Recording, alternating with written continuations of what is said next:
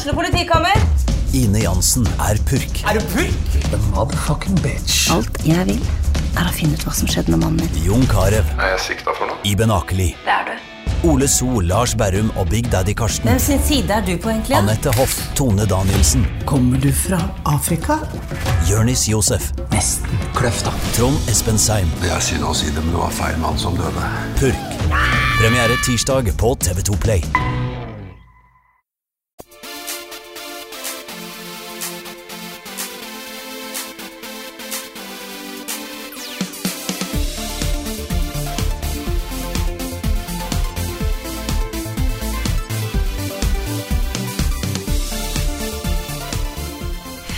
Velkommen til en ny episode av podkasten Level Backup med meg, Frida Danmo. Og med meg har jeg selvfølgelig Rune Fjell Olsen og Karl Martin Hogsnes. Hallo, gutta folken. Gutta boys. Ja, det var det si. Gutta folkens. Gutta folkens. folkens. Jeg prøvde å ta en ny vri eh, og si gutta boys istedenfor folkens, og da gikk skikkelig ræva. Så da har vi prøvd det, men hei.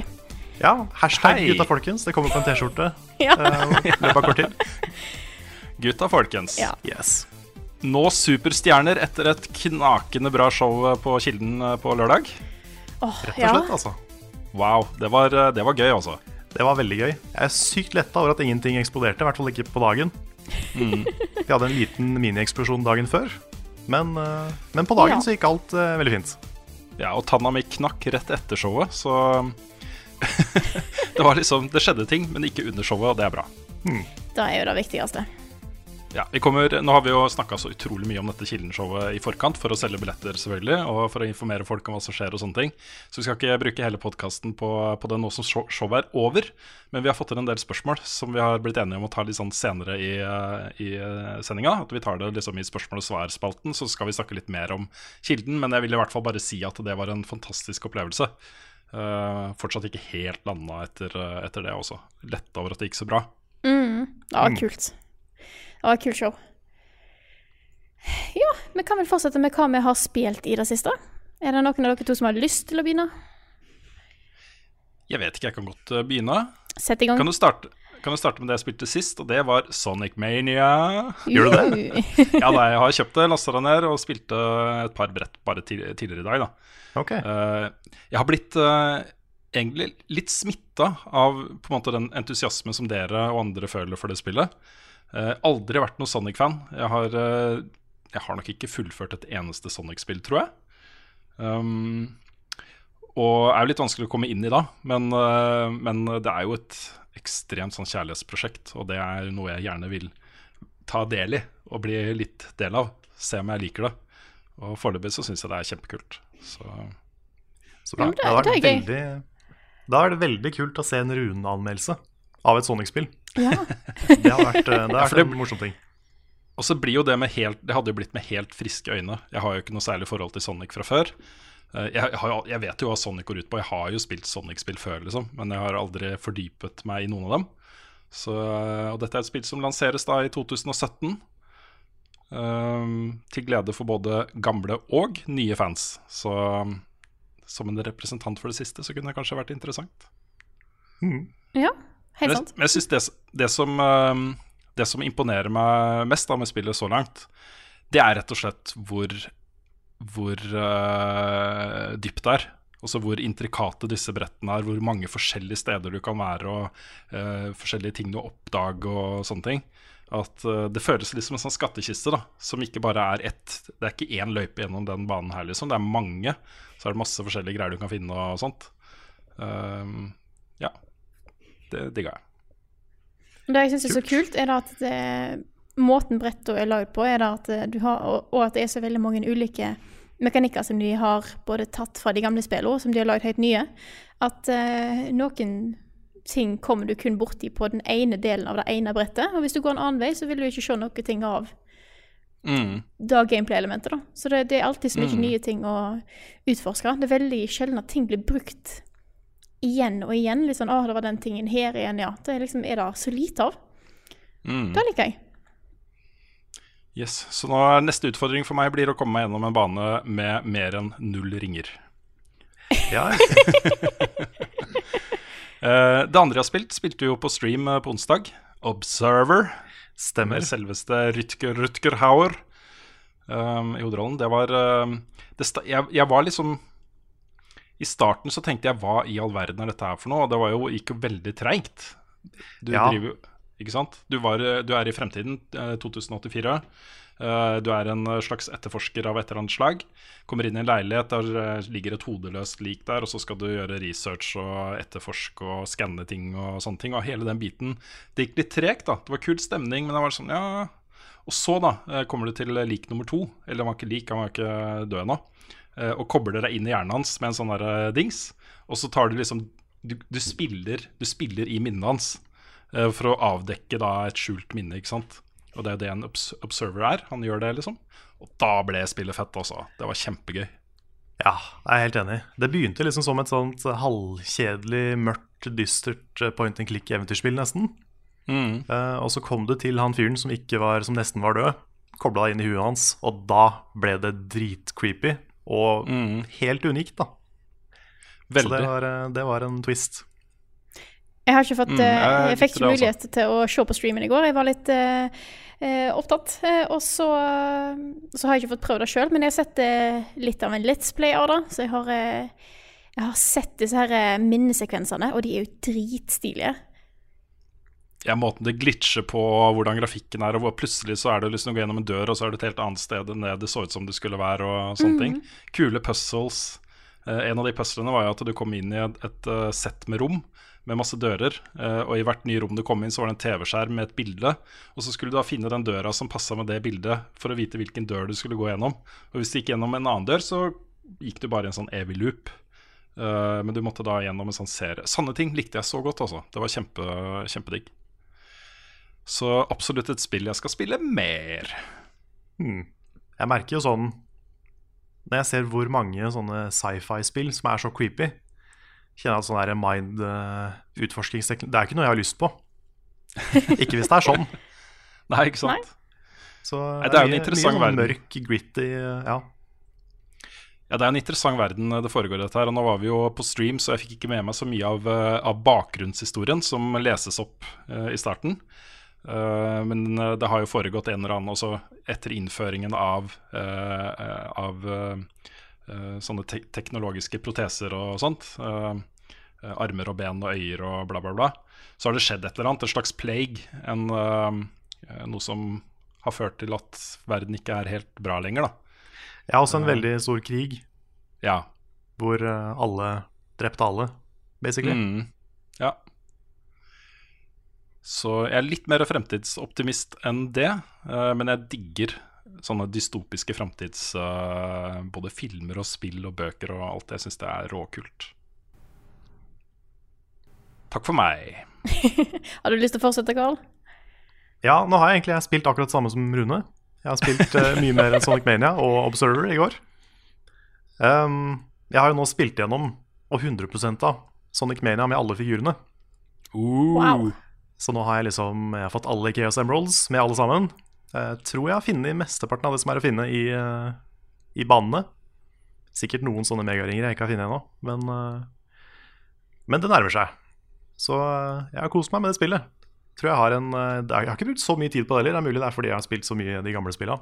Men eh, jeg fikk gjort en del på en sånn Ja, vet ikke jeg, 17-18 timer totalt. Ja. Så good times. Vi snakka litt om dette her på streamen eh, på onsdag også. Eh, og jeg syns det er så fett at høsten, altså spillhøsten 2017 Det er jo allerede et dritbra spillår, men den har blitt innleda av eh, tre spill som kommer fra mindre teams til en sterkt redusert pris. Uh, også fra liksom 150-60 kroner til sånn rundt 300 kroner. Uh, med Hellblade, med Sonic Mania og med Observer. Tre skikkelig funky, uh, unike, kule spill Uh, som er billige, liksom. De koster jo ikke så mye. Jeg syns det er fett, altså. Jeg er helt enig. Det er, det er kult at vi er der nå, at vi, kan, eh, at vi kan få veldig spennende spill som ikke trenger å være 40 timer lange, men som er dritbra produsert, og som bare, som bare funker.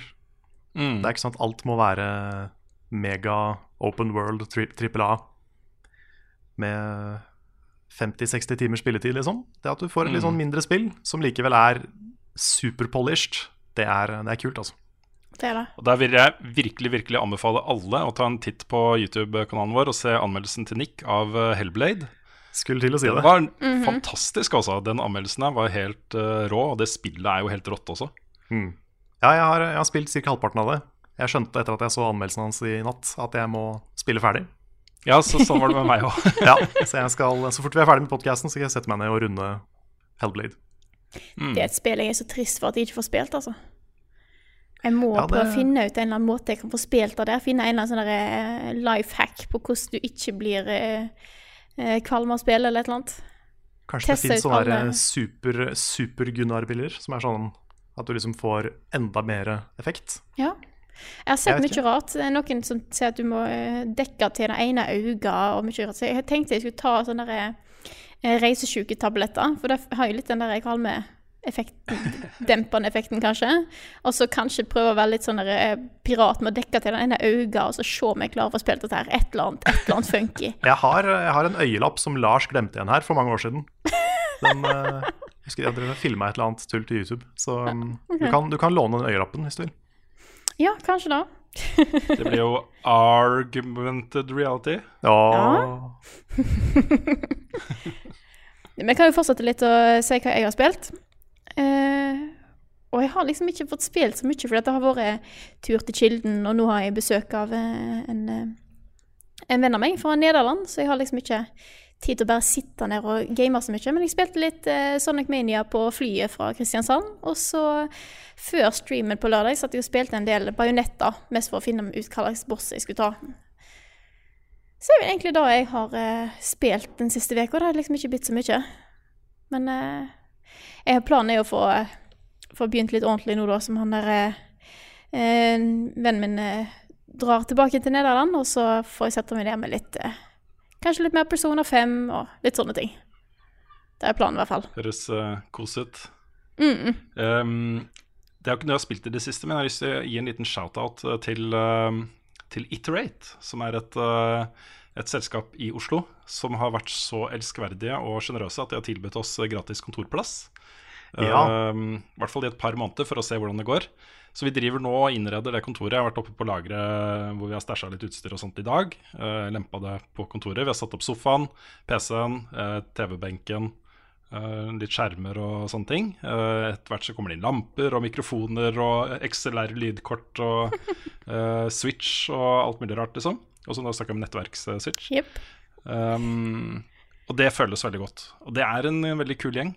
Det er en sånn hardcore nerds, liksom, eh, som, eh, eh, som har lyst til å hjelpe oss. Eh, og De til har, så eh, kanskje vi hjelper de med litt spillkompetanse og sånne ting. ja. De har sånn Super Mario-mønster i vinduet, så da, da vet du at de er nerds. Ja, da er det bra. Yep. Så det er bra. Da er det Eh, så innafor. Mm. Så bare en liten shout-out og takk til, til den gjengen der. Det blir spennende å se. Jeg tror kanskje vi starter opptak eh, fra de kontorene allerede neste uke. Ja, det blir jo en veldig, veldig åpenbar uh, Film i tull-location, blant annet. Mhm. Så dere kommer til å se, Nice. se det i den sammenhengen. Så det, det kommer. Filmetull, livestreamen og uh, Level Update er i hvert fall de tingene vi nå planlegger å filme der. Spennende. Mhm. Det blir kult å se. Men da tror jeg kanskje vi bare sniker oss videre til eh, neste spalte.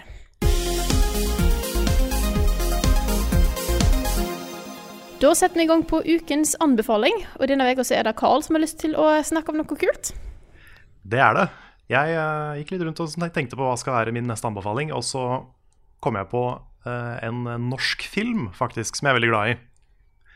Og uh, det har litt å gjøre med at en helt jeg har hatt siden jeg var liten Jeg var sånn erkefan av Espen Eckbo. Og jeg syns han er så utrolig flink på liksom Både på humor, men også på det å lage figurer som man blir glad i. Sånn, de føles som liksom, De er veldig morsomme og veldig cartoony noen ganger, men de er likevel liksom mennesker. Og de har et liv og sånne ting, og du får liksom litt sånn tilknytning til dem. da. Eh, så en film. Jeg vil anbefale at man går litt uh, Går et par Det er vel i hvert fall 20 år tilbake i tid og ser. Det er kanskje ikke fullt så mye ja, 18-17 Jeg husker ikke helt. Men uh, gå litt tilbake i tid og se Get Ready to be Boys Voiced. Det er Jeg har faktisk ikke sett den. Har du ikke det? Jeg Nei, jeg det. har ikke det, altså. Det vil jeg si er en av Norges morsomste filmer. Den, er så, den er så bra. Den er fortsatt morsom. Det er ikke så lenge siden jeg så den igjen. Og bare den der uh, historien om det tullebandet De var jo ganske store en periode, med liksom Let Me Be Your Father Christmas og alt det der. Ja, de kom inn på listen, da. De Ja. gjorde det. Mm. det så de var, det var en utrolig morsom sånn æra i, i Espen Eckbo-tida. Så eh, varmt anbefalt. Sånn i tillegg til selvfølgelig Nissen på låven og Nissen over skog og hei og alt det andre som de, de folka der lager. Det er good shit.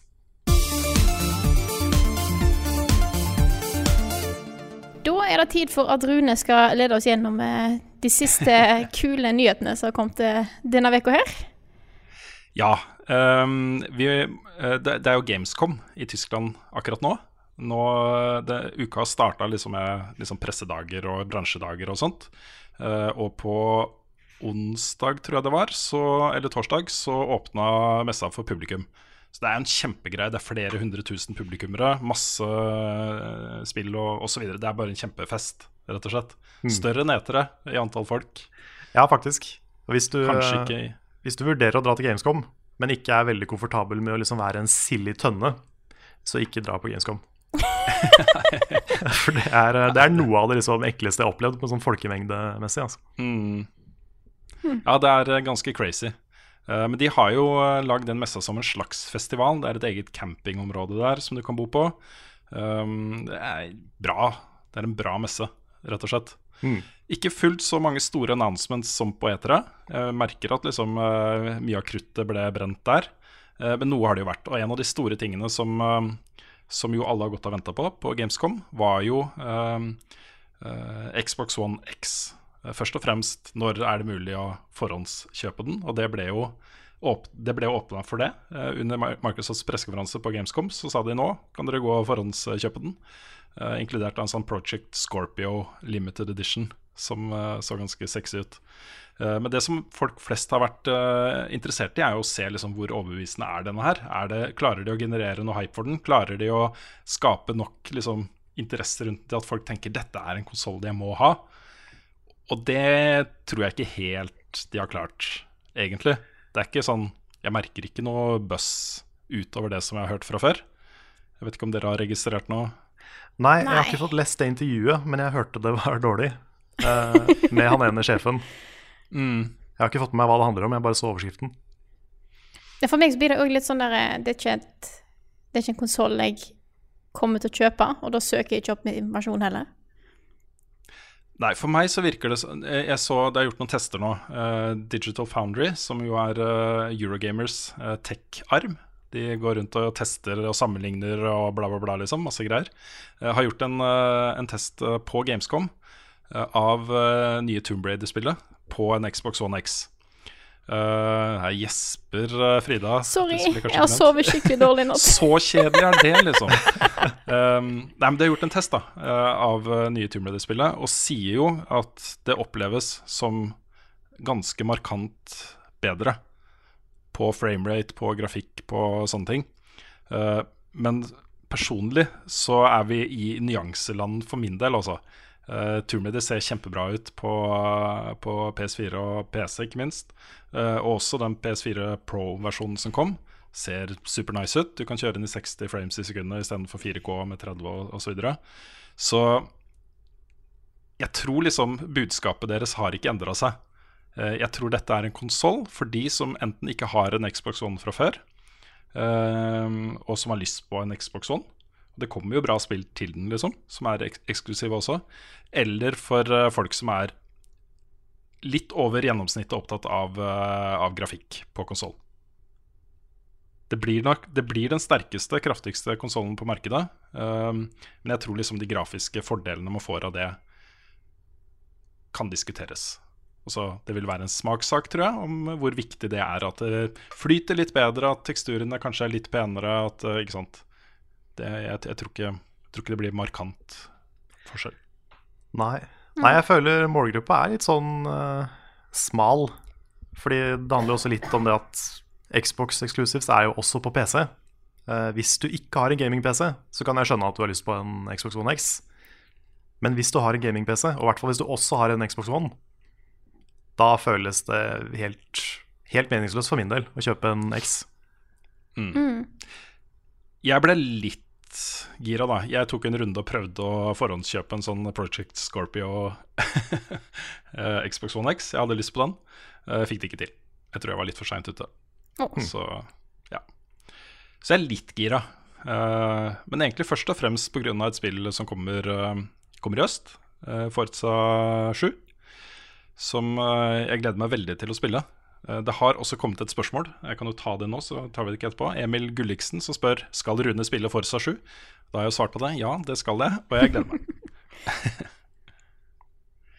Um, vi kan gå litt eh, videre. Uh, Nintendo har også hatt en pressekonferanse på Gamescom. Og en av de kuleste tingene som kom fram der, var litt flere detaljer om den SNES Classicen som kommer i høst. Um, og der blir det da innført en rewind-funksjon, Ja, som er litt uh, snasent. Alle spill blir Braid. Nettopp, Uh, på en måte. det du kan gjøre, er at du kan lagre deg et, et savepunkt uh, hvor som helst i spillet. Og så kan du uh, loade spillet igjen fra det punktet. F.eks. hvis det er før en vanskelig boss, eller hvis det er et eller annet. Så um, uh, kan du spole tilbake. Prøve igjen. Ja, for det er, det er rewind, ikke sant? Det er ikke bare load og save state, på en måte. Jeg tror det var rewind. De kaller det en rewind. Så Ja. det er Ja. Så det er jo uh, Det er kult. Ja, for jeg tror det er sånn at Hvis du velger å spole tilbake, så lager den et sånt punkt for deg, som du kan gå og loade. Ja, sånn, ja. Ok. Ja. Det er også litt interessant at uh, det vil være forskjell fra spill til spill. Noen vil ha liksom 30 sekunder, andre vil ha halvannet minutt. Litt avhengig av hva slags type spill det er. Så Det er kult. Det gjør jo spill veldig mye lettere, men det er ikke sikkert det gjør noe når det er såpass både valgfritt og såpass gamle spill. Ja, Så altså, du jo- trenger jo ikke bruke det, sant? Det er jo akkurat det. Hmm. Så det er vel litt som å, litt som å bruke en emulator, da. Ja. litt. Eh, en annen kul nyhet fra Gamescom var eh, avdukingen av eh, Starfighter Assault-modusen i Star Wars Battlefront 2. Eh, og det er da rett og slett du kan ha romkamper med kjente og kjære romskip fra hele Star Wars-sagaen eh, i verdensrommet. Og det så latterlig fett ut. Stas. Mm. Det er ikke så mye mer å, enn det, mer å si om det enn akkurat det, men det så veldig kult ut. Jeg, jeg fikk mer lyst til å spille Battlefront 2 når jeg så det. Mm. Den siste nyheten jeg har notert meg, er at uh, Shenmue 3 uh, har fått litt ny footage uh, under Gamescom. Også blitt avslørt at eh, eh, Deep Silver skal eh, publisere spillet. Eh, nei, vent, da skal vi se, nå blander jeg saker her, tror jeg. Eh, stryk den fra prot protokollen. Det husker jeg ikke helt om det var Deep Silver som skulle publisere. Eh, men det, i hvert fall så er lanseringsvinduet nå lagt i 2018. Det skulle jo egentlig kommet ut mot slutten av året i år, eh, men det, kommer da neste år. Men det ble da sluppet litt footage fra spillet. Og jeg vet ikke om Jeg tror du må være rimelig blodfan av Shenmue 3 for å si det så awesome ut. Ja, jeg ehm, Nå har jo han eh, Hva er han heter for noe? Suzuki. Yu Suzuki eh, har gått ut og sagt at dette her er veldig in progress eh, footage. At eh, Mm. modellene skal oppdateres og sånne ting. Jeg syns jo, syns jo ikke de var superpene. Det så ut som en sånn tidlig PS3, kanskje Dreamcast, eh, oppskalert spill. Um, men det, det jeg reagerte mest på, var egentlig animasjoner. Så ja, det var, det var Deep Silver som, yep. uh, som eh, publiserer. Det var det. Um, nei, jeg syns animasjonene var litt sånn treige og veldig sånn Det så ut som en Det så ut som skuespillere som øvde på en kampsekvens. Mm. Det var litt sånn, der, var litt sånn treige slag, og det var litt sånn rart, da. Men eh, jeg har en følelse da at, av at dette her er et, eh, en trailer som ble satt sammen for å, for å vise at de ikke har sovna. Fordi nå har vi ikke sett eller hørt noe særlig fra Shenmue siden E3 i fjor.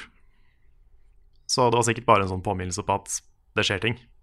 Ja, for én ting er jo liksom da å gi masse trailere hele tida og, og liksom skape altfor mye hype. Eh, men en annen ting er å vise at hei, eh, spillet kommer, liksom.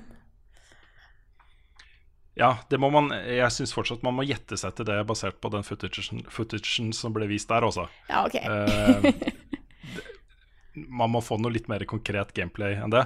Eh, da skal det også sies at vi er jo flinke ellers eh, til å si at eh, grafikk ikke betyr noe, liksom. Det er jo innholdet i spill og gameplay og osv. Så, videre og så, videre. så jeg, jeg dømmer det ikke nord og ned, det er ikke det jeg gjør. Men jeg bare jeg er litt skuffa over at ikke vi fikk se noe som ga oss en klarere inntrykk av hva dette spillet faktisk vil bli, da. Når de først viser fram noe nytt. Ja. det um, er sant. Jeg har ikke sånn superpeiling på, på Shenmue, men så vidt jeg har skjønt, da, så er det en serie som har solgt seg på historien, men også på at det var veldig grafisk imponerende da det kom. Ja, banebrytende da det kom. Så, men jeg vet, ikke, jeg vet ikke hvor viktig det er for fansen. For det er jo fansen som har kickstarta dette her. Vet ikke hvor viktig det er for de at det fortsetter å være det. Kanskje de bare vil ha en bra historie, liksom. Mm, jeg tror Ja. det også. Jeg tror Grunnen til at folk er så glad i Shenmue-spillene, er eh, eh, historien og rollefigurene og alle disse tingene du kunne gjøre i denne sandbox-verdenen. Mm. Jeg tenker jo litt sånn uh, Drømmefall, da. Var jo litt samme situasjon. At det var jo Nå er jo drøm, Dreamfall Chapters, eller Drømmefall-kapitler, er jo pent. Men det er jo ikke liksom PlayStation 4 wow eh, over det. Men det er liksom Det er bra nok for å fortelle den historien som folk har venta på. da Mm. Så jeg vet, ikke, jeg vet ikke hvor viktig det er for folk. Kan jo nevne en siste nyhet som jeg hadde glemt å notere. Men uh, det har også blitt kjent at Final Fantasy 15 kommer til både PC og Switch, faktisk. Hey. Ja, De har i hvert fall hinta til Switch. Ja, De har hintet at de ja Har de ikke bekrefta noe det? Nei, jeg tror de, Det de har sagt, er at de, de ser på Switch og ser på mulighetene. Å ja, okay. Så det kan hende det kommer en liksom spin-off eller en nedgradert versjon eller et eller annet. da Mm. Kommer jo også på mobil, en sånn liten sånn chibi-versjon med sånne små søte figurer. Den ser veldig rar ut. Alt som er i sånne chibi-greier, syns jeg er er alltid litt skeptisk. Ja, Mm. jeg, er også, jeg så som World of Final Fantasy også kjørte den stilen der. Jeg, jeg syns det blir litt for Altså gårdene blir litt for søt, altså. Ja, det blir liksom Det blir så veldig sånn Wow. der koselig og Hæ? Jeg trodde jeg aldri jeg skulle høre deg si, Carl. Nei, altså jeg er veldig glad i søte ting.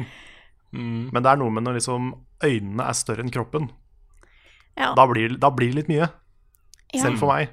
Det er en artsstil jeg aldri har vært spesielt glad i. Sånn at med en gang det kommer sånne chibi-versjoner av ting, tenker jeg nei, det, det, det er ikke det jeg vil ha. Men, Nei. eh, men andre er jo glad i det, og det skjønner jeg jo. Men eh, Ja ja, for all del. Det er eh, different strokes. Men den PC-versjonen av Final Fantasy 15 så jo ganske kul ut. Uh, at du får muligheten til uh, høyere oppløsning, eh, bedre framerate. Førstepersons synsvinkel for de som liker det. det ja. Det må ikke du spille, Frida. nei. altså Førsteperson Final Fantasy 15. Ikke prøve det engang. nei. Altså alt som har liksom Det er egentlig tre personer som har lagd den første personen, så tenker, tenker jeg at nei. Nei, da, nei, da går ikke. Da tror jeg ikke Hvis jeg ikke er lagd for første person engang, så eh, Jeg blir kvalm av å se folk spille GTA i første person på YouTube. Så eh, Hmm. Nei. Kan, jeg, kan jeg skyte inn en eh, nyhet til? Nei! Nei. Det var Ok, ikke, ok, ok, ok. Nei, um, jeg ser jo en, en del folk er litt gira over at eh, Age of Empires 4 Det er fire, ikke sant? Ja. Ja, stemmer det. Det har blitt annonsert. Og det er jo en serie det er lenge siden vi har eh, sett noe fra. Annet enn Holy Mm. remasters og sånne ting. Så, eh, så det er stas. Det er ikke en serie jeg noen gang kom meg inn i. Jeg hadde veldig mange venner da jeg var liten som spilte det religiøst. Så jeg har liksom fått med meg litt hva det handler om. Jeg har ikke spilt, eh, spilt det sjøl. Men det, det er kult at de går tilbake dit. Nå håper jeg på Mm. liksom en, en revive av Command and Conquer eller noe sånt. Når de først har begynt på sånne ting. Ja, Det skulle jo komme en, eh, en eh, revival av Command and Conquer. Det ble jo skrinlagt. Det gjorde det. Eh. veldig synd. Ja, litt sånn rart. Det hadde kommet langt og var liksom i tråd med moderne spillfilosofi og sånne ting. Så litt pussig at det ble bare canna. Men Altså Hvis Ja. det kommer en sånn der Red Alert 4 Jeg hadde jo kjøpt det på dag én. jeg tror det er det de må gjøre. De Ja. må gå den veien. De må lage Red Alert, og så må de gjøre det super cheesy. Ja, det må de. Det må de faktisk. Det er, det, er, det er få ting i spill som har vært så morsomt som når David Hasselhoff ble, ble president. det var så bra. Og når han der eh, Å, jeg husker ikke hva skuespilleren heter, men han som har den øyelappen i Lost, blant annet. Han liksom, Når du er, du er Russland, da, så kommer, eh, kommer han inn på sånn, eh, sånn telefon, eller sånn webcam, sier at Our enemies thrusting deeply into our mother Russia's tender nether regions. det er veldig gøy. Så et sånt nytt Red Alert, det hadde jeg elska.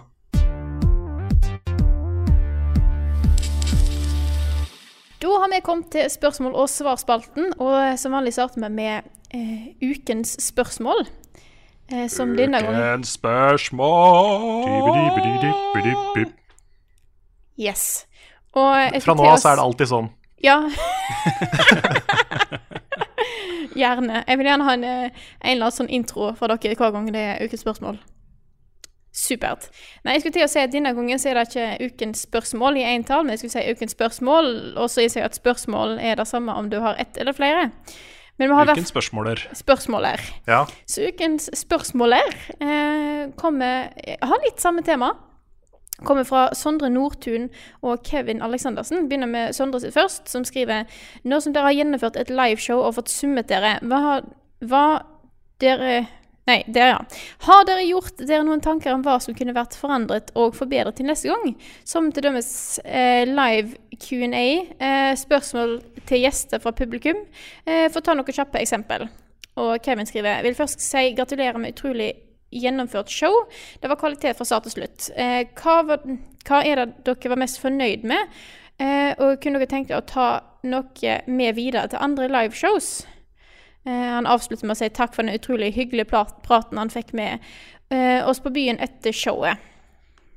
Ja, det var en veldig hyggelig samling da Ja. vi møtte, møtte folk på pub etterpå. Mm. Kjempekoselig. Ja, vi gikk jo vi gikk jo faktisk inn og stalka Level Up Community litt, og fant ut hvor de satt. Ja, og så, så gikk vi og krasja, festen litt etterpå. Ja, det må være lov. Det er lov. Ja. Ja. Det var veldig koselig. Prate med Det folk. Jeg fikk to øl ut av det, så det Oi. er bra. Hei! Nice. Ja. Eh, En var fra Magnus, da, så det Ja, fortsatt, fortsatt en øl. Jeg har fortsatt en øl. Uh, jeg syns at Sondre svarte godt på hva vi kunne gjort eh, bedre, egentlig. Uh, mer interaksjon med publikum. Det er jo opplagt eh, muligheter der som, eh, som vi ikke helt turte å gjøre nå på det første showet. Fordi eh, det blir liksom et sånn tilleggsmoment som vi er usikre på. Ja, og så og så er det ofte det der med at da må publikum ha en mikrofon, og så må noen løpe rundt i salen. En ganske stor sal med en mikrofon. Så blir det kanskje mye dødtid, mye venting. Ja, for det var jo Så- egentlig snakk om at vi kanskje skulle spille inn podkasten der, og i så fall hadde vi jo tatt spørsmål fra salen.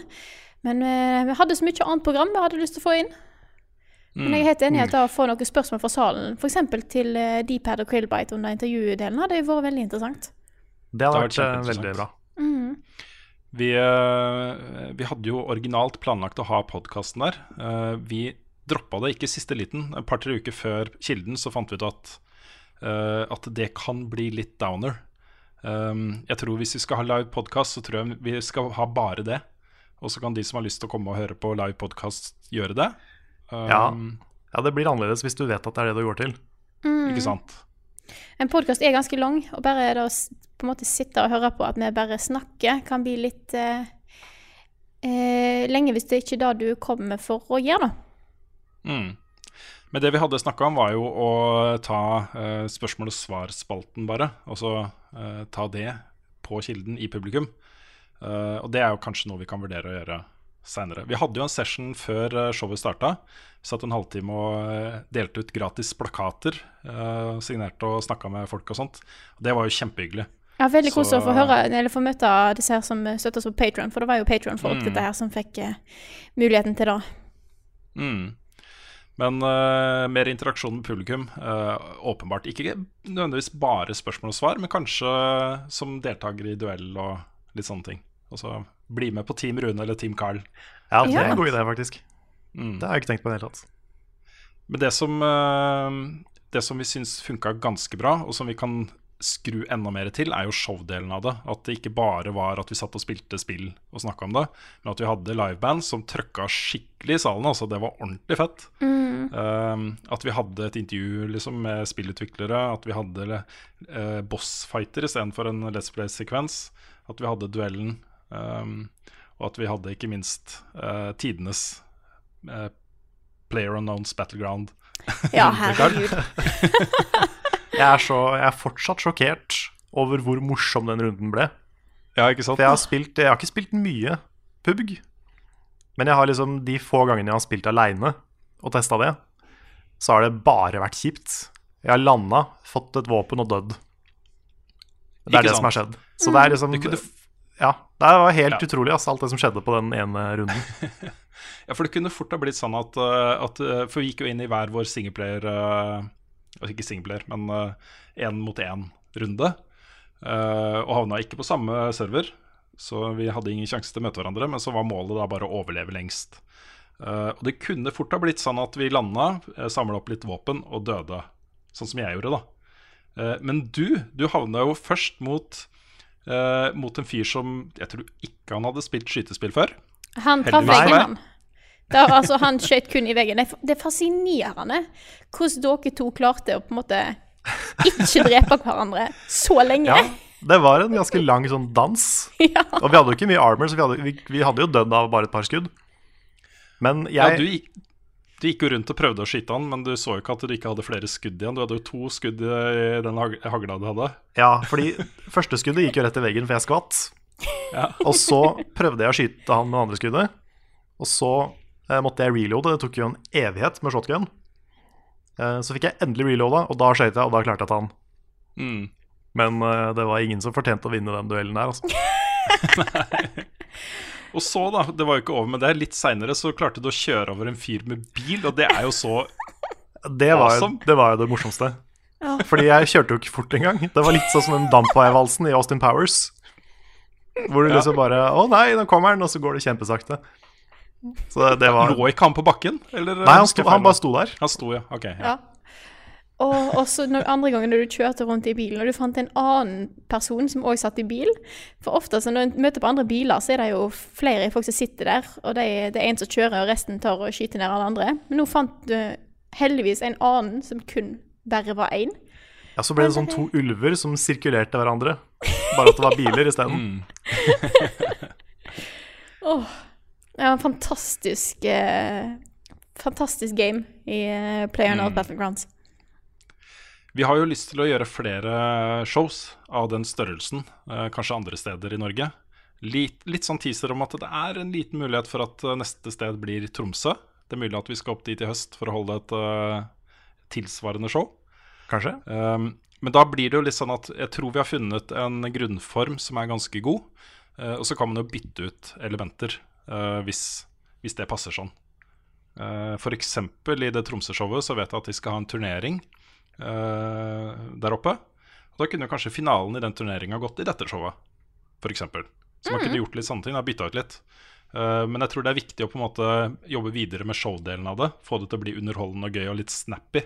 Um, Sammenligna med da en vanlig livestream hvor du sitter og spiller det samme spillet i to timer. ikke sant? Så ja. Mm.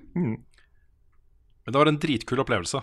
Eh, og uh, veldig takknemlig for alle som kom, og alle som uh, så på streamen.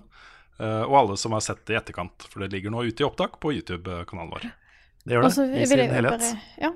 Og så vil jeg jo bare si herregud, tusen, tusen takk til alle teknikerne på Kilden som gjorde dette her til verdens mest supersmooth opplevelse for oss som var på scenen. Jeg har vært en del på scenen i en del eh, sammenheng der en har mikrofoner, og det er mye ting som skjer, mye lyd, mye bytting av eh, eh, altså lys og alt. Og det var jo ikke et eneste problem. Jeg måtte, jo, eh, altså jeg måtte jo bak scenen og hente noen ting et par ganger. Det var sånn, Jeg var ikke redd for at jeg skulle ha lyd på mikrofonen. Eh, det var jo, når vi satt og skulle ha Let's Play, eller det boss fight-segmentet, så visste jeg at jeg bare begynner å snakke, og så kommer spillet på skjermen hos meg. All, alle overganger, alt gikk så bra. Det var fantastisk, altså. Mm. Hvis vi skal ha dette showet andre steder i Norge, så har jeg lyst til å prøve å få med Stein Erik Bakken, som jo var eh, primus motor for hele greia, liksom. Og han som fortalte alle de andre hva de skulle gjøre, og hvordan de skulle gjøre det. Ikke nødvendigvis da, det er proffe folk i alle ledd der, liksom. Men han hadde full kontroll på hva som skal til av teknologi da, og eh, assistanse for å få til et sånt show. Og han nevnte jo for meg etter showet at eh, for å få til dette her, eh, andre steder, så skal man egentlig måtte selge eh, 1000 billetter. eh, for å liksom finansiere alle de som var i drift under vårt show, da. Ja, for det var så, Så, mange. Det var ja, så mye var det, folk. Mm. Wow. Så, eh, så vi får se det. Jeg tror kanskje vi må prøve å da nedskalere litt på teknologien for å kunne få det til. Jeg tror ikke vi klarer å selge 1000 billetter med det aller første, men kanskje en dag. Ja, men da, nå hadde vi jo både band, sant, og så hadde vi Hvor mange konsoller var det vi hadde kobla opp der på det bordet? I hvert fall fem-seks. Ja, sant. Ja, det var fem-seks, men det var plass til fire på racket, så de drev og nappa ut og inn eh, HDMI-kabler Ja. Mm, Pluss da to PC-er. ja. Ikke så kanskje vi kan prøve å begrense litt sånn antall konsoller og alt sånne ting. Det går nok an. Mm. Men uh, en annen ting da, som vi uh, kanskje burde tenke oss litt mer om på uh, neste gang, det er om vi skal vise en uferdig logo. Det er Ja. korrekt. Fordi Det var åh, det, var, det var litt synd at det ble sånn, men vi, vi følte jo at den var kul og hadde lyst til å vise den fram. Eh, Jeg tror ikke Simon var helt komfortabel med det, for den var ikke helt ferdig. Og så har den ikke blitt supergodt tatt imot, så vi, vi har Nei. bestemt oss nå for å gå litt tilbake. Eh, se litt mer på andre muligheter, og så, så venter vi litt med logo. Og så tar vi en dialog på Patron etter hvert, når vi får noen nye skisser å vise fram. Ja. Så hvis noen Ja. lurer på det, så eh, don't worry, vi skal ikke pushe gjennom noe som er upopulært. Nei, så Hvis noen har lyst på en uh, litt sånn innføring i hvordan man ikke presenterer en ny logo, så er det bare å se på live-showet vårt. Ja. Det ikke, som ha er litt liksom synd, en, ikke sant? ikke ha en skisse med en hvit bakgrunn, det er litt kjedelig. Nei, Nei vi har, det som er synd, ikke sant? vi er veldig glad i den logoen og har blitt det liksom over en ganske lang periode. Uh, men nå har vi på en måte brent den. Vi kan ikke, jeg, jeg føler ikke at vi kan gå videre med den logoen nå. Uh, og ikke bare det, men også den tanken om at uh, vi samler alt stoffet under LVUP. Det blir en slags brand, da. Eh, en forkortelse av level up. Eh, som også mange mennesker er misfornøyd med. Så vi har på en måte ødelagt for oss selv i to bauger her, eh, Karl og Frida. Ja. Men eh, eh, vi kommer sterkere ut av det. Det var en uh, oppvekker for oss, og det har kommet massevis av gode innspill og forslag på Level Up Community. Ja. Så Og som vi vi snakka litt om det på streamen i går eh, også, og det er veldig greit å få vite det nå. Sånn sett så er det fint at, vi, at vi presenterte den tidlig, fordi da Ja. at ikke vi liksom viste den fram etter at vi hadde laga masse 3D-grafikk og 500 thumbnails. Og trykka opp visittkort og Ja ja, er T-skjorter og det kunne gått mye verre. og Ja, Ja. Men det er, det er bare å si at det er veldig bra at folk uh, sier fra. For uh, at ikke folk er liksom ukritiske og bare Ja, den er sikkert fin, og så tenker man egentlig at uh.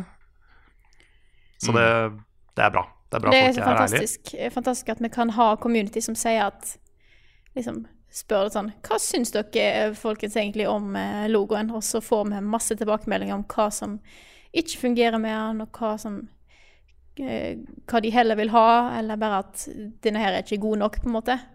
Mm. det, er veldig, det er veldig kjekt å få den tilbakemeldingen, og faktisk høre Det det, hva også. folk eh, syns.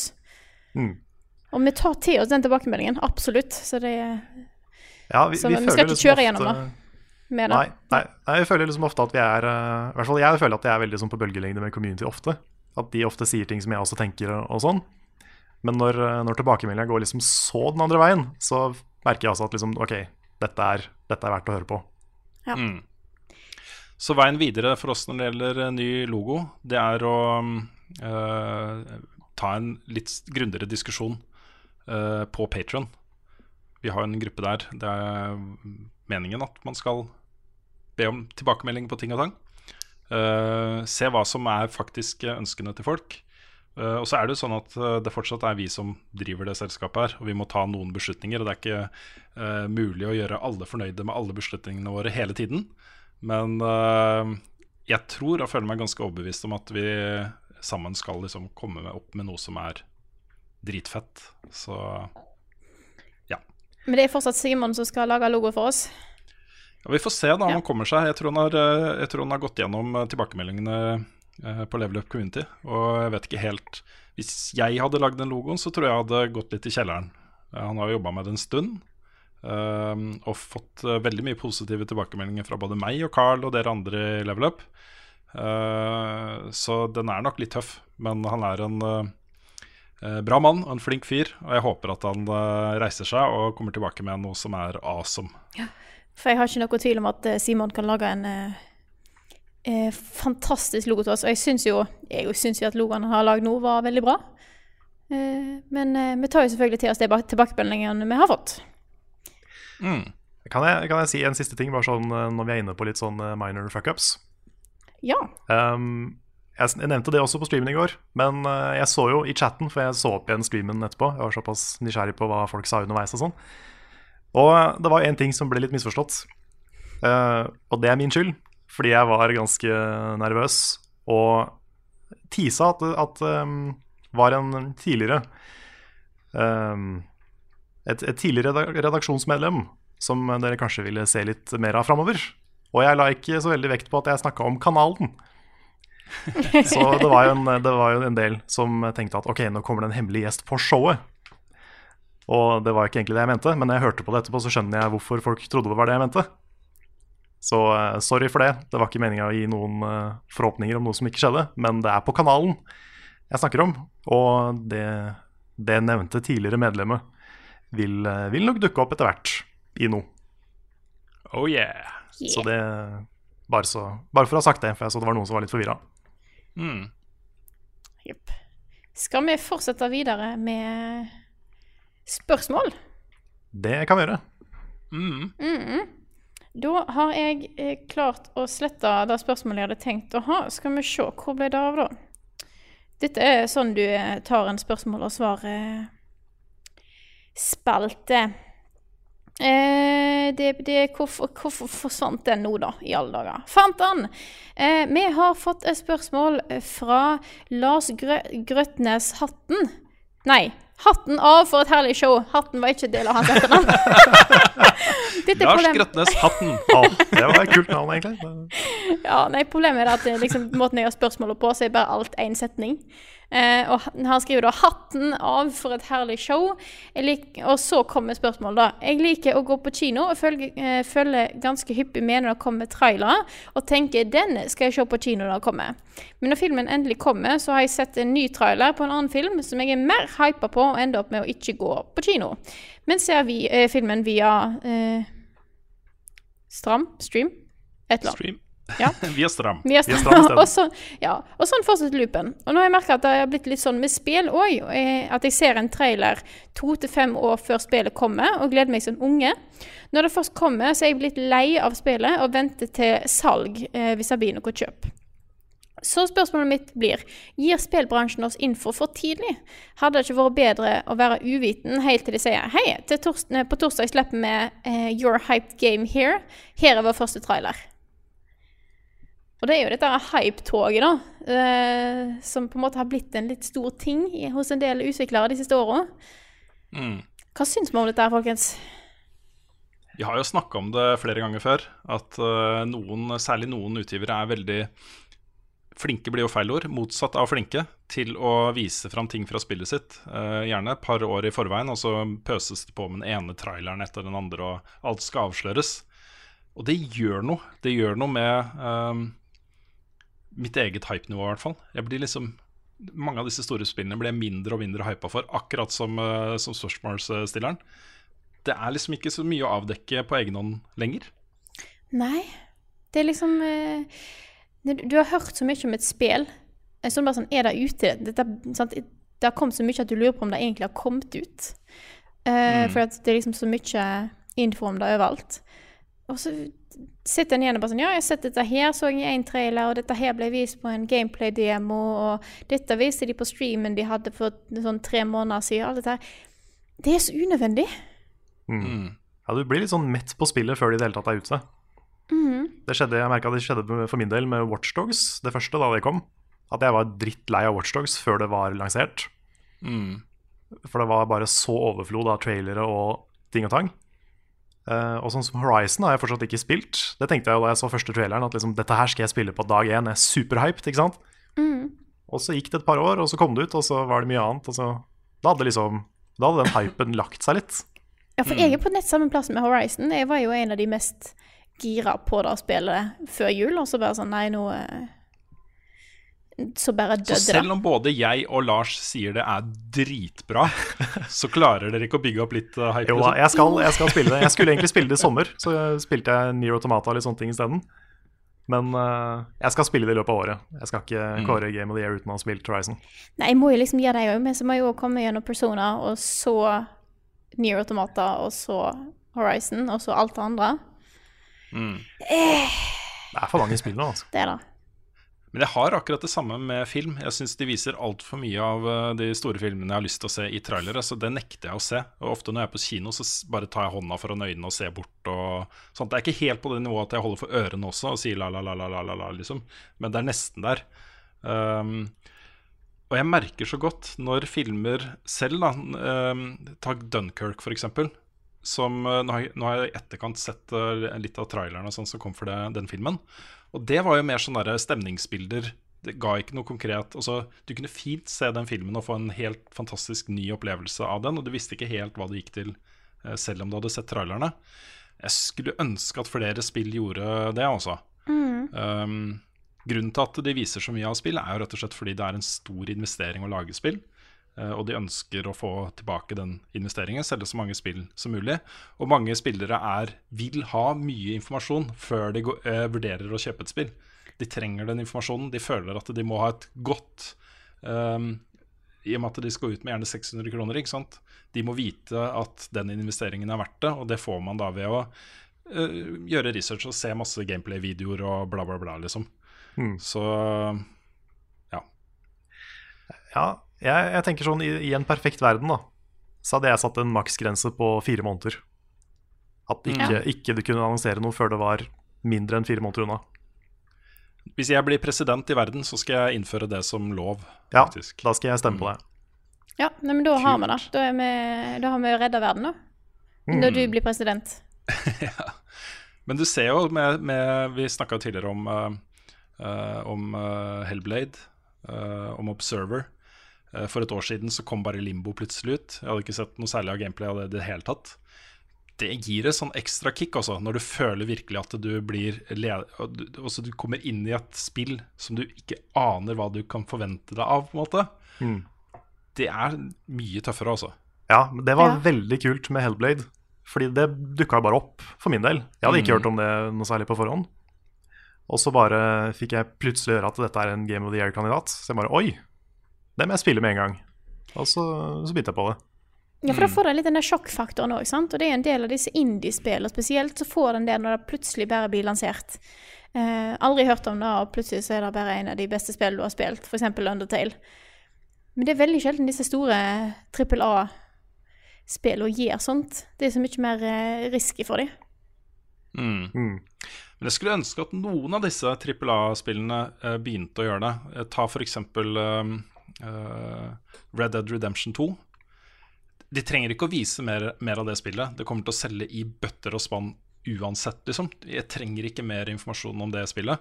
Eh, det samme gjelder et nytt GTA, f.eks. Trenger heller ikke en eneste trailer for at det skal selge vanvittig mye. Eh, at flere publishere kanskje får litt mer selvtillit på det spillet de skal gi ut, og tenker at dette er et spill som folk kommer til å kjøpe. Mm. Det hadde vært fett. Og så er vi jo Vi har jo kåra, Sony til vinneren av E3 flere ganger. Eh, for de, har, de er veldig gode på pressekonferanser. I år så var det jo Xbox som vant. Men, eh, men de er, Sony er verstinger på det der, altså. De viser spill for tidlig. Ja, de gjør det. De kommer liksom bare sånn Ja, vi skal lage et nytt spill i den serien her. Mm. Og så er det sånn in development, på en måte. Ja, Kingdom Hearts 3 har vært in development siden 2013, eller hva det er for noe. Og Last Guardian ble vist i 2006, tror jeg. Og liksom Det er, det er for ille. Det, er, Det er det det. er en kul pressekonferanse, men vi blir jo bare gående og vente til vi ikke orker mer. Mm. Jeg syns uh, den første God of War-tralleren de viste fram i fjor, det, det, er sånn, det er nok info for meg til å tenke at dette er et spill jeg har lyst til å spille. På det, det de viste fram i år, så syns jeg det bikka litt over. Litt for mye. Fikk litt for, vite litt for mye av historien og kunne ta en del slutninger om hvorfor ting er som de er, og hvem sønnen hans er, og en del sanne ting. da Uh, Så det ble jeg litt skuffa over. Mm. At jeg fikk litt Ja. for mye info. Ja, tenk om de hadde spart den første traileren til i år, Mm. og så var spillet mye nærmere. Ikke sant? Det hadde hatt en større impact. Ja. Jeg syns òg de gjorde Jeg syns Nintendo var litt for ivrig med Zelda. Breath of the Wild. Der var det Ja. mye ting. Jeg bare slutta å se på dem. Det var sånn Slutt å vise fram to timer gameplay-demo. Det er jo helt unødvendig.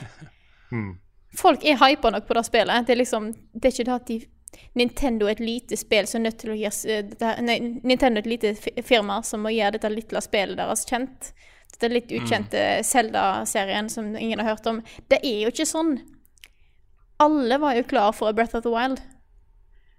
Nå skal det jo sies da at eh, Breath of the Wild er etter det jeg har hørt, det mest eh, solgte spillet så langt i år. Det er ikke sikkert det hadde vært det hvis ikke de hadde hypa det opp på forhånd. Nei, det Nei. er sant. Men, eh, men jeg skjønner også at det spillet er vanskelig å markedsføre. Mm. Fordi det er jo veldig eh, Det lener seg veldig på den der eh, at du sitter intenst og spiller det, og lever deg inn i den verden. Jeg fikk jo ikke den følelsen som jeg fikk da jeg spilte det på den messa vi var på i Sverige, f.eks. Mm. Det er altfor lite tid, ikke sant? så det er vanskelig å, vanskelig å kommunisere hvorfor det spillet er bra i, Mm. i marketing. I tillegg så er det jo et spill som på en måte når ut til enda flere, da, med den at det er så annerledes sjanger. Eh, At det er flere som endte opp med å spille det. Da kan jo være et resultat av eh, eh, bedre markedsføring. Kanskje? Jeg tror vi skal eh, hoppe videre til eh, neste spørsmål her, før vi setter oss altfor mye inn i dette temaet her. Mhm. Eh, Let's do it. yeah. Og da lurer jeg på om Carl kanskje har en uh, liten uh, Ukens Sinfor. Hvordan ville en level up-bil sett ut i henhold til modell, farge, utstyr og diverse gags? Referanse til altså da Turtles Partywagon og eller A-Team Van. Dette var da selvfølgelig et spørsmål fra Trond eh, Sinfor Borgersen. Eh, ja, Ja, den level ville i up-bilen. hvert fall for å, ta, ja, for å ta de kjedelige tingene først, den ville hatt et fullt studio. Også med lys og lyd og mikrofoner og kameraer og sånt. Du bare åpner opp bak, og så drar det ut, og så har du et fullt studio.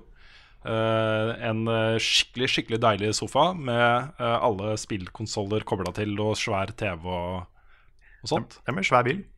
Så må ha en van, ja, altså. et kjøleskap med brus. Ja. Hmm. Jeg fikk, jeg fikk helt andre assosiasjoner enn deg, men jeg, nå har jeg mer lyst på din. Hva var din jeg, jeg, tenkte, jeg tenkte med en gang sånn der uh, regalia fra Final Fantasy 15. Bare med liksom level up-farger og level up-motiv, da. Ja, for må Så jeg være så for grønn. meg en, ja, jeg Ja. så for meg en dritkul bil, bare. Men nå har jeg også lyst på spill og kjøleskap. Ja, for teamet Vi er jo seks personer, sant? Vi er nødt til å ha plass til uh, i hvert fall deg. Da eh, må vel ha en van Mm. som vi kan ha plass til studio baki og Mm. Jeg foreslår en, en uh, grønn Hummer. Svær sånn limo-Hummer.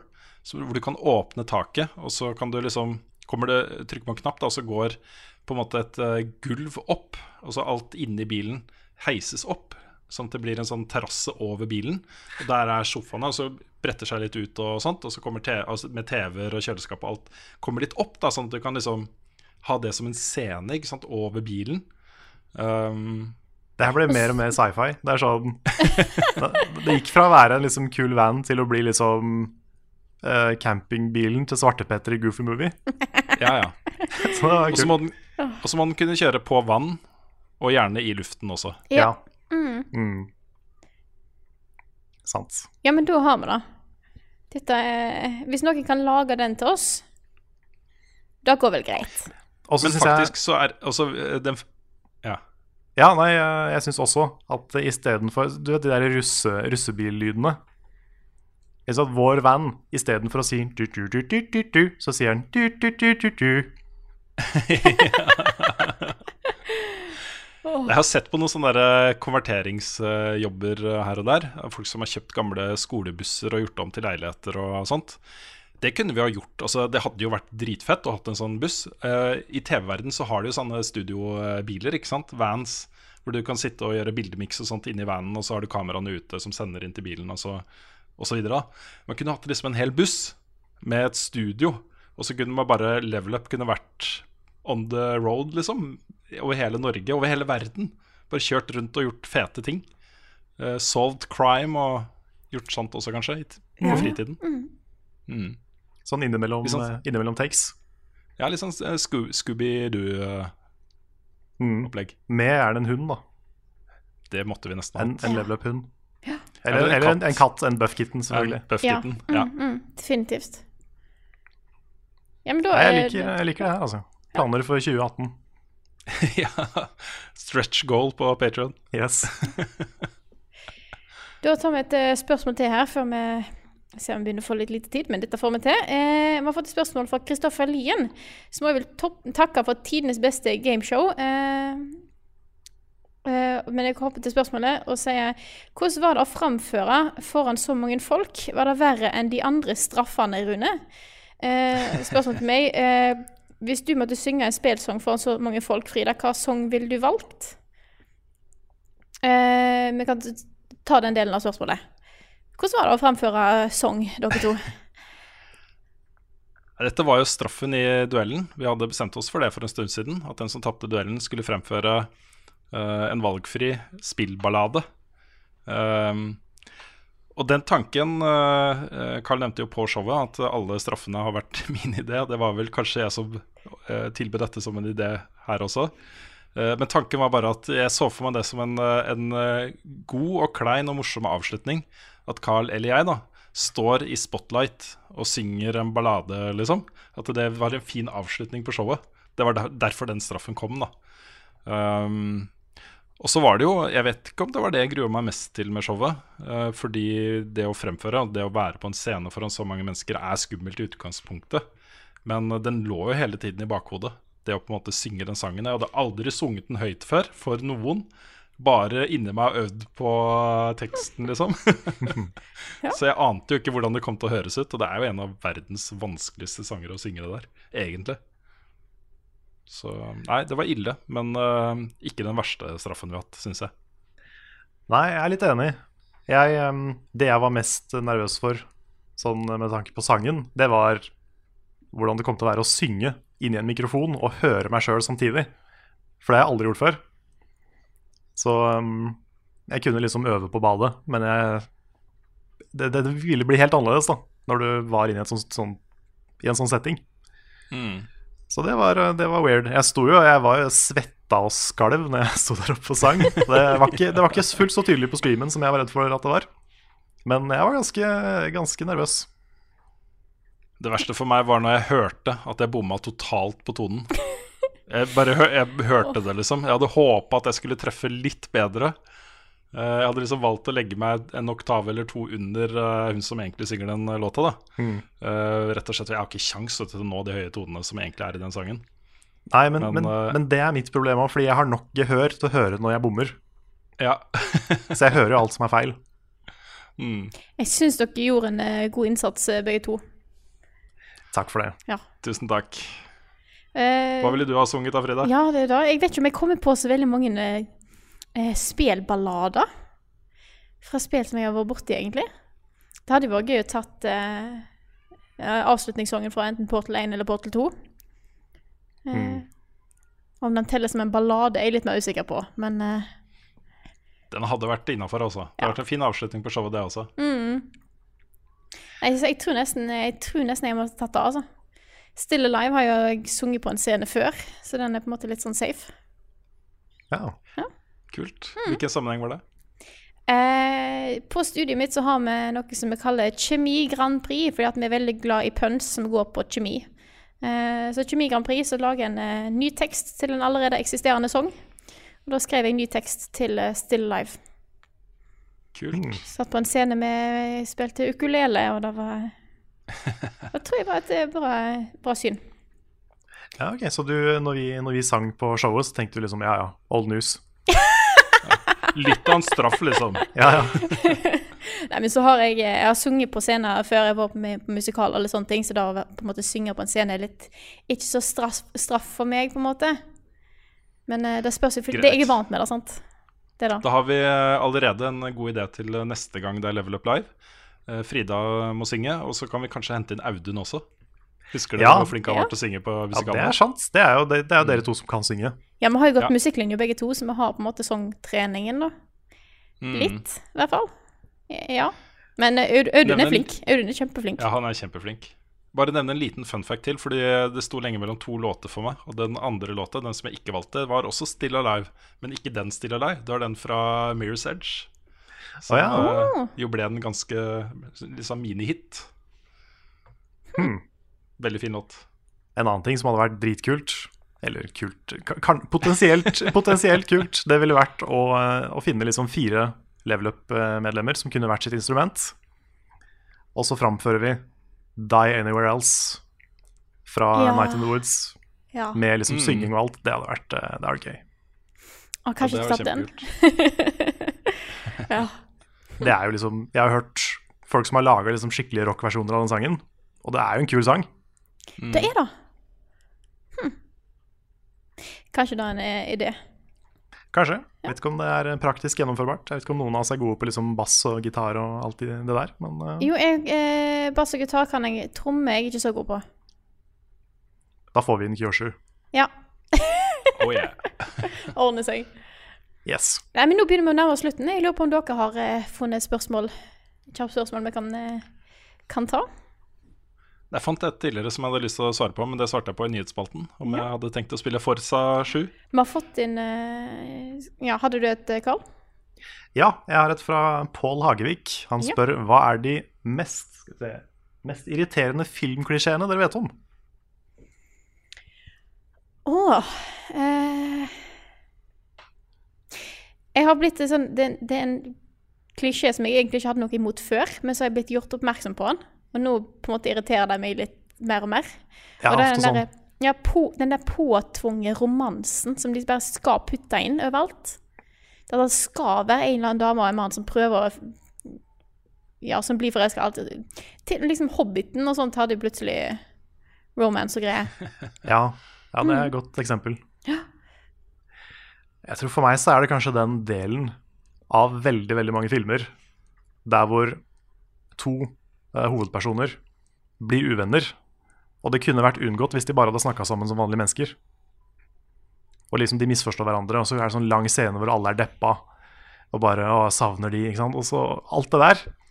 Hvis de bare hadde sagt den ene tingen som hadde vært helt naturlig å si i scenen før, så hadde alt vært unngått. Det begynner å irritere meg. Jeg vet ikke om jeg er så irritert eh, av det, men det er jo mange filmer, filmer følger jo en, en sånn mal. Eh, som kalles, jeg tror den kalles Heroes Journey.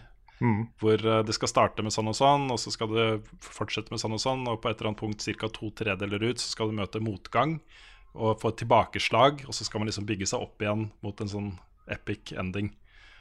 Den formelen brukes så mye da, i så mange sammenhenger at mange filmer blir litt forutsigbare. At jeg kan liksom forutse at så kommer det til å skje, og så kommer det til å skje. Og det, Jeg vet ikke om det irriterer meg, for noen ganger er det litt deilig. Bare sitte og vite at ah, jeg gleder meg til å få litt motgang. Sånn, ikke sant? Mm. Uh, men uh, det er litt slapt, da. Ja. Jeg syns det, er- det er en sånn blanding av irriterende og interessant, det der. Sånn Mm. filmtekniske ting. Sånn som i veldig mange filmer så er det liksom på sekundet uh, midt i filmen så er det the point of no return. Når det skjer noe som gjør at du ikke kan gå tilbake til sånn det var. Ja. Ofte liksom med sånn sekundpresisjon. Mm. Det, er- det er litt kult. Jeg har en annen ting som irriterer meg veldig i film, som jeg vet at det er sikkert ikke så veldig mange andre som irriterer seg over. Men det er det når eh, filmer skal prøve å gjøre et eller annet sånn fancy science stuff, og så bare stemmer det ikke i det hele tatt. eh, og da la jeg eh, godt merke til når jeg og når jeg så Wonder Woman i, med Carl. Ja. Da snakka de plutselig om ei sånn sy... Jeg lurer på det var, det var en gass som de hadde tatt i utgang... De skulle ta utgangspunkt i sennepsgass, men så skulle de bytte ut noe svovel med hydrogen, og da ble alt krise. Og jeg sitter bare sånn Det går ikke an, da. Det er ikke mulig å få til. Det er ikke snakk om at i noe univers, eller liksom en del i vårt univers med liksom våre naturlover og sånn kjemi funker, at da går an. Og satt jeg bare sånn småirritert. bare sånn, Nei, men det, det går, Du kan ikke gjøre det. Du, du kan ikke det. Nå håper jeg du plaga alle de rundt deg med liksom å si det mens filmen eh, gikk. Nei, jeg snakker ikke under filmen, men jeg snakker en del om det etterpå. ja jeg, jeg tenkte på det når de sa det. At liksom, ok, det her kommer Frida til å reagere på. Men det har jo liksom med på en måte interesse og utdanning og alt sånne ting å gjøre, da. Og da vet jeg at det ikke er så mange som tenker på, men for meg så er det bare sånn nei, nei, kunne dere ikke bare snakke med en eller annen som kan litt om dette her, og finne ut om det dere sier faktisk stemmer eller ei? Mm. Det er litt rart at ikke de går gjennom en sånn der eh, science check når de først skal ta opp sånne ting. Skjønner ikke. Folk flest bryr seg ikke, vet du. Nei, det er akkurat. Nei, sant. det er noe med det. Jeg uh, kan også nevne kjapt at uh, jeg så uh, The Fast and the Furious 8 her om dagen. Jeg er veldig glad i de nyere filmene i den serien, fra fire og utover. Eh, og det er jo, også særlig åtterne, er jo en klisjé fra start til slutt. Eh, og særlig, eh, særlig den derre tøffe menn som kommuniserer med hverandre klisjeene, liksom, hvordan de kommuniserer. da Og særlig i, i Fast 8, eh, forholdet mellom The Rock og Jason Statham. Som jo på, har jo vært da, på hver sin side av loven. ikke sant? Uh, The Rock har jo vært FBI-agent, og uh, Statham har vært superskurk, liksom. Og så skal de plutselig samarbeide. Og måten de to snakker med hverandre på, eh, er så derre super, super, super macho. Uh, de skal jo, når dette er over, så skal de gjøre opp og hamle opp med hverandre. Og, uh, det, er ikke, det er ikke tvil om at den ene vinner. Ja, selvfølgelig vinner den andre. For han er jo ikke sant? De snakker jo veldig sånn breialt med hverandre. Så var det et punkt, da. Jeg syns jo det er litt humor, da. Fordi det vet de selv også. Det var et punkt hvor de sier noe så supertøft til hverandre, liksom. Eh, Jeg tror The Rock sier at han skal slå han så hardt at han får knyttneven opp igjen. Jeg vet ikke, det var noe sånt, ikke sant? Og så ser de hverandre, og så begynner begge to å le. Det var så kult øyeblikk. Hvor de liksom uh, bare anerkjenner eh, humoren i det. da Uh, Og da koser jeg meg, altså. Da koser jeg meg skikkelig. Ja, det er litt morsomt. Mm. For det er mange som ikke kjører humoren i det. Ja, ja. Hvor det liksom bare er sånn De er ikke mennesker lenger, de er bare sånne figurer som ikke sant, brøler til hverandre. ikke sant? Oh, ja. Men det er, det er gøy hvis du tuller litt med det. Absolutt. Hei, sant. Men, men da tror bare jeg- sånn Nei, fortsett. Ja, bare, bare sånn siste, aller siste ting. Ja. Litt sånn apropos den der science-checken. Det er også veldig mange filmer og serier som ikke kjører en language check. Det også synes jeg, det er kanskje enda mer krise, for min del.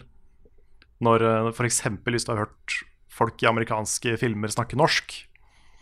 Det er et prima eksempel i X-Files, hvor eh, en, en norsk person som heter Trondheim skal si at liksom Hvorfor tror du de etterlot deg her? Og det kommer ut som Og varfa trotote ettertote deg. Og det er liksom ingen kom, altså Hvis ikke du er norsk, så kommer kommer du ikke til å tenke på det. Men det er altså Hvor vanskelig er det å få noen som i hvert fall kan høre en norsk setning og si det riktig? Liksom. Ja. Og det er, det er jo sikkert sånn med alle språk, Mm.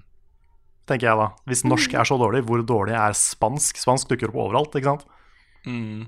Russisk. Så- russisk Det er jo sikkert krise for, for alt som ikke er engelsk. Ja. Det er ikke uten grunn at uh, Swedish eh, Chef er så morsom i Muppet Show. Bork, Han snakker bare sånn burdy, Ja. burdy, Ja, ja. burdy, burdy, burdy. Det er jo sånn det høres ut for uh, ikke- ikke-svensktalende, ikke sant? Mm. Men jeg eh, tror at med Swedish Chef så avslutter vi dagens podkast. Jeg må snart springe ut døra. Eh, Så jeg vil begynne å takke for eh, Først takke alle som kom på Kilden. Yay! Absolutt. Eh, og vi selvfølgelig òg takke alle som støtter oss på Patrion. Dere er fantastiske folk som gjør hele dette her eh, mulig. We love you. Og så Long time. Ja. så vil jeg eh, si takk for oss. Takk til gutta folken som var med her eh, i dag i podkasten, eh, som vanlig. Bare hyggelig. Og eh, så snakkes vi i neste uke.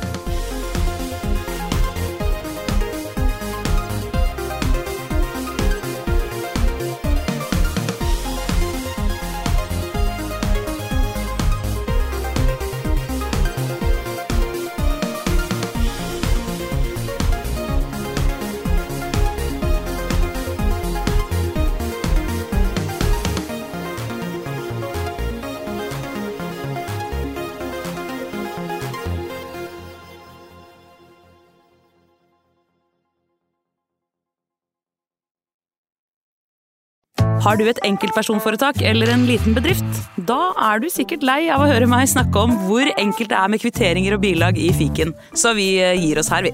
Fordi vi liker enkelt. Fiken superenkelt regnskap.